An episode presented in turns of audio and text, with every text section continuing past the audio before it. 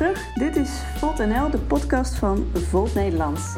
Mijn naam is Sophie en ik ga jullie vandaag weer door de vierde aflevering uh, heen praten. Ik presenteer zoals altijd samen met Renske en Nico uh, deze aflevering. Hoi Sophie. Hey. Hallo Sophie. In deze vierde aflevering van de Volt NL podcast uh, beginnen we zoals altijd met Nico met een thema uit het Europese parlement. Deze keer gaat het over uh, een wet die uh, plastic uh, gaat verbieden, of in ieder geval hergebruik plastic. daarna gaan we verder naar het Rome-congres van Volt. En dat wordt heel leuk, want er zijn dus allerlei Volters uit verschillende landen die samenkomen in Rome. En daar gaan we luisteren naar een verslag van onze Volter Bibi. En we sluiten af met het thema uit de actualiteit. En dat is helaas voor sommigen die er misschien al helemaal moe van zijn, de ruk naar rechts in de Nederlandse politiek. En we zijn ook heel benieuwd wat jullie uh, daarvan vinden. In deze vierde aflevering is het weer tijd altijd voor een parlementthema. Deze keer over plastic. Uh, moeten we toch wel gaan hebben over de nieuwe ruk naar rechts in de Nederlandse politiek. Ook al worden we er een beetje moe van. En we gaan ook uh, wat inside-informatie zien van het Rome-congres van alle Europese volters. Daar zijn er een hele hoop van naar Rome geweest. Dus uh, ik heb er zin in, we gaan weer beginnen. Uh, ik schakel even over naar Nico, want die heeft weer uh, eigenlijk onderzocht wat het Europese parlement allemaal doet en waar het zich mee bezighoudt. En dit ging, deze keer ging het over plastic. Dus Nico, aan jou weer de eer. Hey Sophie, ja, goede nieuws voor mensen die denken aan het milieu.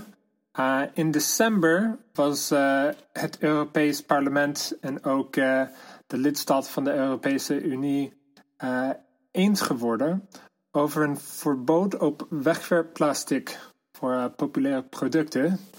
Um, en dat wordt op woensdag, de 27e van maart, gestemd. het lijkt dat het is meer een soort van ja, praktische stap. Dat het is ook duidelijk dat deze nieuwe regels over plastic gaan even door. En uh, dat betekent dat watenstaafjes, uh, bestek, borden, rietjes, alle de, de one-use plastic producten zijn vanaf uh, 2021 verboden in Europa. Yes, goed nieuws! Super, ja. Woe! ja. ja. Ja, dit is een uh, groot verschil. Uh, wij gebruiken dit soort van dingen vaak. Ik, heb, ik was net bij een bachelor party. Daar hebben we ook uh, zo'n plastic gebruikt. En dat, is, ja, dat zal niet meer mogelijk zijn. Um, en het idee is dat dit helpt met, um, um, met het milieu natuurlijk. Maar er zijn ook problemen met dit soort van plastic voor dieren in de oceanen ook is het duur. Alles schoonmaken, uit de oceanen weg te gooien. Um, en uh, ja, short-term thinking is het uh, leuk zo'n zo plastieke producten te hebben. Maar in de, in de long term is het best wel duur. Ja, ik denk dat het echt een heel fijn is dat er niet alleen nationale, maar ook Europese regels hiervoor komen.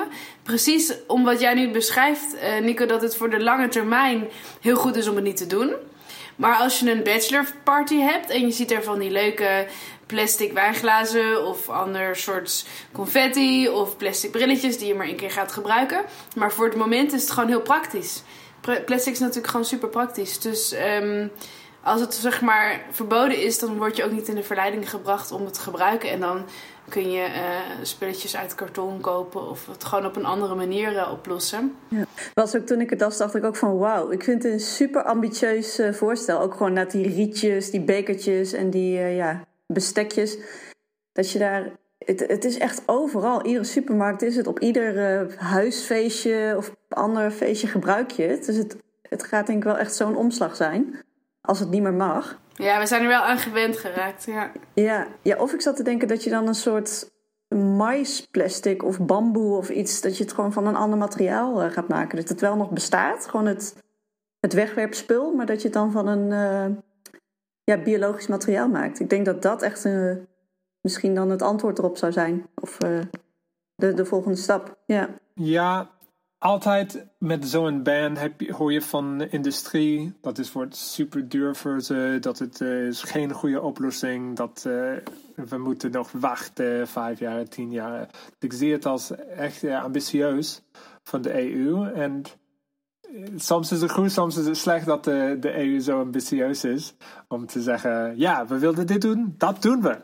En jullie kunnen, als we hebben besproken bij de copyright uh, regels.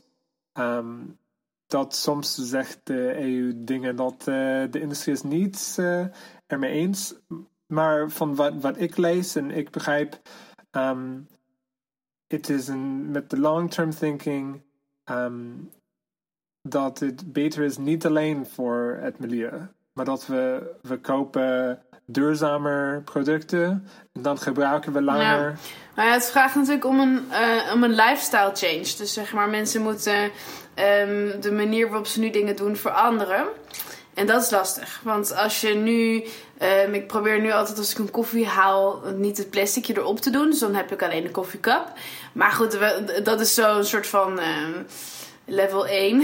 maar als je het, uh, het master level wilt spelen, moet je gewoon zelf zo'n mooie cup uh, meenemen. Uh, die je overal kunt kopen en het altijd laten vullen. En dat is um, iets waar je aan gewend moet raken. Net als dat je dan bijvoorbeeld als je gaat picknicken in het park gewoon spullen meeneemt en niet plastic koopt in de supermarkt.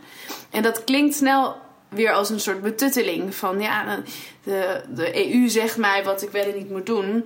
Maar ik vind dit in dit geval het wel echt. Um, eigenlijk niet een, een echt dilemma, omdat je de uitwerking ervan overal ziet. We weten allemaal van de plastic soep. Ja, ik denk ook dat, dat je het, eh, het plastic, zeg maar de, de vervuilende optie, eigenlijk duurder moet maken dan de, zeg je dat, dan de milieuvriendelijke optie. Ik denk dat dat ook heel goed werkt, dat je bijvoorbeeld met belastingen of boetes of uh, dat je in ieder geval de, de vuile optie altijd de meest uh, inefficiënte optie gaat maken. Dat je daar ook uh, naartoe moet. Om inderdaad die gedrags, gedragsverandering te krijgen. Ja, en die uh, volgt die um, polluter pays principle. Die betekent dat meer verantwoordelijkheid voor de ja, producer van het product en niet de koper. En ik lees hier in de NRC um, dat de Europese Commissie schat dat het beleid consumenten 6,5 miljard euro zal besparen. Ik weet niet, is dat uh, binnen een paar jaren of wanneer? Um, en dan, dan ook dat uh, in de baan doen van uh, is naar schatting goed voor een CO2-reductie van 3,4 miljoen ton. En dit is binnen. Dat is echt heel veel. Ja. ja.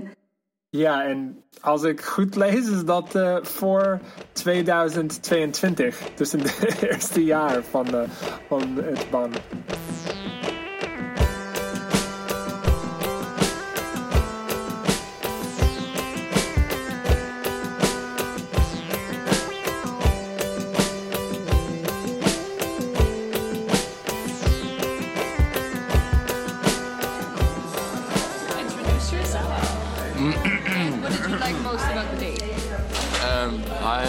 Raphael, um, Munich team.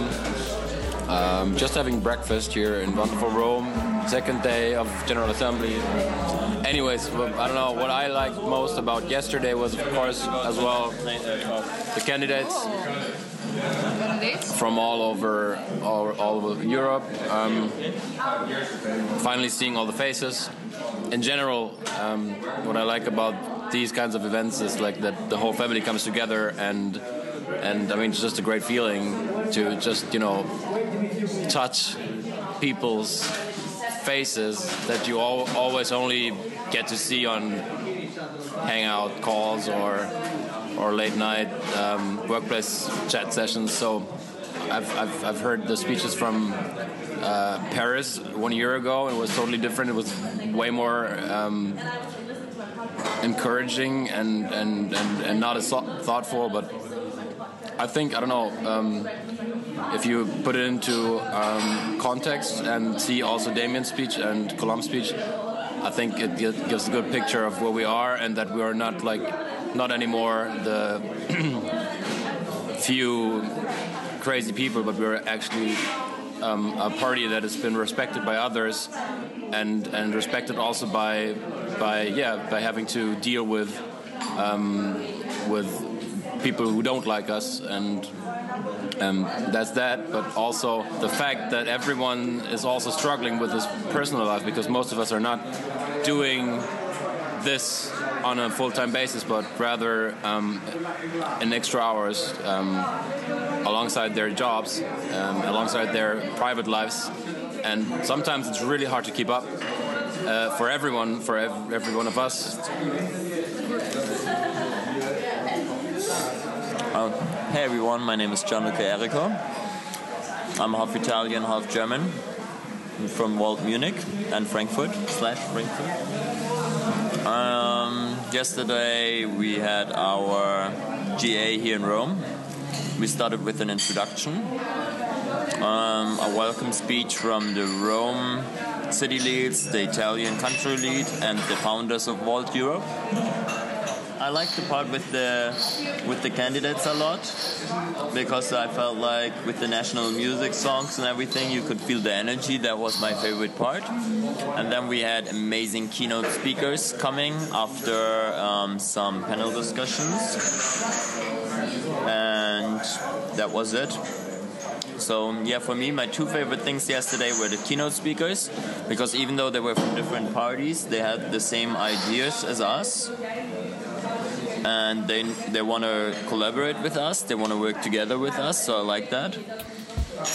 And because you cannot change anything by yourself.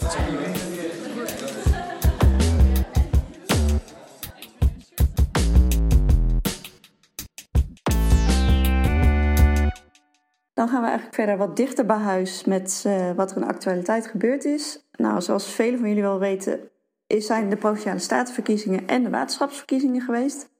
En veel mensen zeggen dat niet zoveel. Provincies, waterschappen, dat is allemaal ja, vaak een beetje ver van je bed. Maar het ding is dat uh, de provinciale statenverkiezingen heel veel invloed hebben, of zeg maar eigenlijk alle invloed hebben op de Eerste Kamer. En nu is het zo dat Forum voor Democratie momenteel de grootste partij in de Eerste Kamer is, in de Nederlandse Senaat. En dat is toch een enorme omslag van een partij die eigenlijk van nul zetels naar 13 zetels in de Eerste Kamer uh, is gegroeid. En ja, daar zijn natuurlijk veel mensen niet blij mee, uh, veel mensen ook weer wel. En er is natuurlijk een hoop uh, ja, discussie over vanwege natuurlijk de, de standpunten van Forum. Het is zo moeilijk waar te beginnen, weet je wel. Dat sowieso, ja. Uh, ja, misschien is het goed uh, ook uh, een andere manier van benadering kan zijn te zeggen wat goed is van Baudet. Of ook van Trump. Wat is de kwaliteit? Niet alleen de slechte dingen, die zijn superveel. Um, maar ook te zeggen, oké, okay, Geert Wilders is, is anders van Baudet. Uh, maar misschien kan je mij een beetje uitleggen hoezo en wat is de, de kracht van, van hem. En, uh, ik hoor dat hij charmant is. Maar bijvoorbeeld met Trump, uh, ik vind wat misschien meer attractive van hem is, is dat hij is niet een ideoloog. Het is niet belangrijk voor hem wat de links zegt of de rechts zegt. En dat is iets dat kan goed zijn in een politicus. Ik denk dat wat er aantrekkelijk aan hem is, is dat hij uh, ja, aan de ene kant heel erg tegen de elite is. En dat hij ook zegt van ja, inderdaad, die partijen die houden allemaal vast aan hun oude ideologie. Die zijn heel stug en die veranderen niet. En dat zijn allemaal partijen die met elkaar in één grote elitaire bubbel zitten. En ik denk dat Baudet dat wel sterk verwoordt van daar moeten we vanaf en dat moeten we doorbreken. Want hij spreekt ook altijd over het partijkartel. Dus zeg maar, bijna alle andere partijen worden door Baudet het partijkartel genoemd, omdat die blijkbaar volgens hem allemaal hetzelfde doen en eigenlijk helemaal niet meer echt aan politiek doen, maar gewoon elkaar een beetje napraten. En ik denk dat hij dat wel, daar wel een soort van vinger op een pijnlijke plek legt. Want er is natuurlijk ook wel gewoon heel veel zeker in Nederland, we hebben altijd coalities met heel veel partijen. En vaak lijkt het ook allemaal een beetje op elkaar. En er worden ook niet echt veel snelle beslissingen genomen. Ik denk dat hij daarin wel aantrekkelijk is. Zeker ook voor de onzekere stemmers of mensen die echt ja, verandering willen zien. Ik denk dat hij dat goed doet. Ja. ja dat denk ik ook. En ik denk, ehm, ik, ben, ik ben met je eens, Sophie. Ik denk ook dat je misschien wel, om in deze tijd van social media en de hele tijd presentie tonen op tv, je moet ook inderdaad een soort van charisma hebben. En eigenlijk moet je video's maken en vloggen en zo. Ehm, dus in deze tijden moet je een beetje een narcist zijn om een goede um, politicus te willen zijn, weet je wel. Om te kunnen scoren bij het publiek moet je daar heel erg voor gaan. En wat dat betreft ehm, heeft Baudet eigenlijk heel veel kwaliteiten die hem een goede politicus zouden kunnen maken. Waar het niet dat je op, met verschillende manieren het volk kunt winnen. Je kunt angst zaaien en uh, haat verbreiden. En dat is denk ik een best wel snelle weg naar succes. Mensen zijn snel bang en um, willen veiligheid. En in plaats van dat je in het positieve gaat zitten en benadrukt. Um, um, kijk, je kunt veiligheid en een, en een fijne samenleving met iedereen creëren door of het positieve te benadrukken en te zeggen: we zijn uh, wat een fantastische multiculturele samenleving zijn we enzovoort. Goede voorbeelden noemen enzovoort. En dat brengt mensen bij elkaar en daar, nou ja, dat, dat duurt dan wel een tijdje. En daarmee Um, ga je problemen, gooi je niet het land uit, maar zeg je van, nou we gaan hier samen, het samen oplossen. Maar dat zijn, dat is ook weer lange termijn denken natuurlijk. En een uh, korte quick fix oplossing is om te zeggen, um, jij bent beter dan de ander en de ander is stom. Uh, en uh, er is iemand die schuld heeft en dat ligt niet bij jou, jij bent de perfecte burger. Stem op mij. En dat is natuurlijk gewoon ja, heel ziek.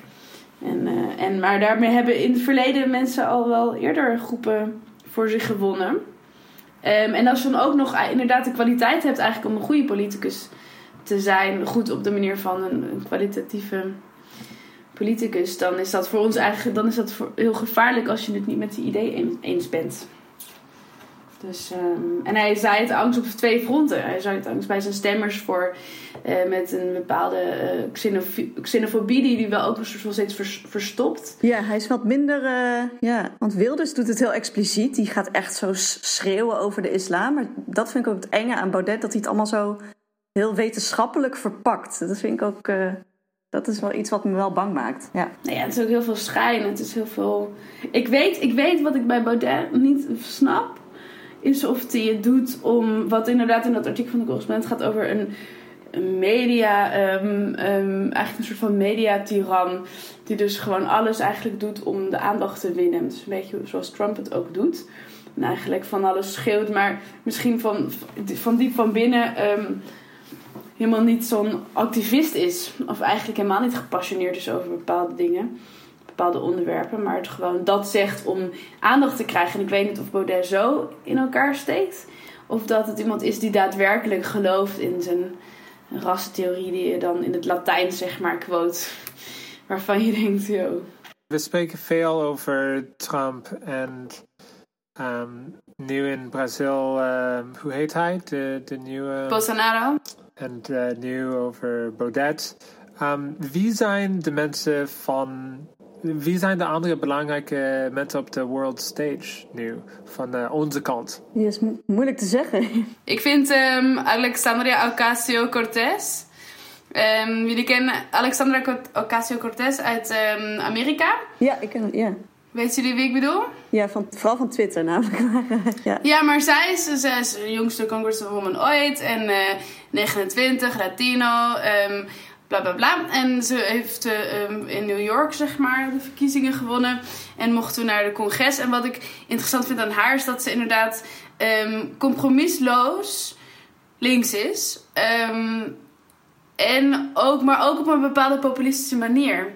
Dus zij bedient zich heel erg van die. Uh, ja, van toch dat stemmen voor zich winnen. Ze gebruikt heel veel, heel veel social media, maar ze is ook inderdaad heel charismatisch. Ze is prachtig om te zien. Als je het hebt over, weet je wel, aantrekkelijk.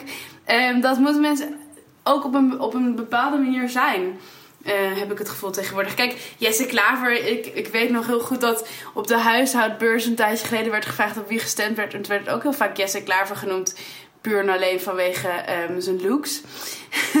ik weet niet, het is het, het, heeft misschien niet alleen met knapheid te maken, maar met een bepaalde, ja, ook frisse uitstraling, jong. Um, dus dat soort mensen. zij is interessant omdat uh, hij heeft niet zoveel ervaring. Zijn dus niet in de politiek voor uh, de campaign waar die zij uh, heeft gewonnen. Um, maar ook ze, de kritiek van de rechts zegt altijd: ah, zij is te jong, zij weet niet genoeg, geen ervaring. Maar dan ook is de president van Amerika, hij had geen ervaring. Dus ja, ik, ik vind ervaring best wel goed te hebben. Maar ja, als je zei, zo, is het goed uh, om uh, iets, een frisse blik te hebben over de, de oude, ouderwetspolitieke wereld van politiek. En dat als je um, met intelligente mensen werken um, en, en luisteren, dan is het niet zo belangrijk dat je superveel heeft gedaan. En meer belangrijk dat je weet om eh, hoe goed te leiden. Ja, maar ja, ik weet niet in, um, in Nederland. Zeg maar, het was toch, hebben ze niet de, de, verkiezingen van de, de beste politicus of zo? Volgens mij dat heel vaak een rechts, rechtspoliticus. Het was niet Klaas Dijkhoff of zo de vorige keer. En Baudet wordt getipt als de volgende. En dat vind ik interessant, want voor rechts is er dus ook zo'n ding als wie is mijn favoriet. En je hebt dus mensen, eh, inderdaad als een soort van idols, uh, of The Voice, waar je dus voor, voor um, ja, het is bijna niet alleen stemmen voor de politiek, maar stemmen zoals je dat doet voor je favoriete popster, weet je wel? In een, in een, in een talentenshow. En ik heb niet een favoriete politicus. Ik ook niet. Nee. Ik, ik zat er echt over na te denken. En ik dacht, nou, nee, ik ben hoe ik stem is vooral strategisch. Um, om zeg maar het op, de rug naar rechts een beetje tegen te gaan. Maar ik heb inderdaad niet die favoriete politicus. En ik denk dat dat uh, wel een soort van kern van het probleem is. Ik denk dat het ook wel mooi is om mee af te sluiten. Dat van gaat politiek meer richting een soort uh, popsterrenstatus. Uh, dus aan jullie luisteraars ook nog de vraag: heb jij bijvoorbeeld een echt een favoriete politicus? Dan zijn we er ook wel benieuwd naar. En uh, dat mag je bijvoorbeeld tweeten naar ons, naar Volt.nl de podcast. Of je kunt ons mailen naar podcast.volteuropa.org. En we horen dit graag. We zijn heel benieuwd naar jullie. Want hier vinden we Thierry Baudet natuurlijk allemaal heel niet mooi en stom. Dus laat het ons weten. Bedankt voor het luisteren en tot de volgende keer. Tot de volgende keer, uh, Renske en Nico. Doei. Dat is prima, joh. Doei. Nog een keer. Doei.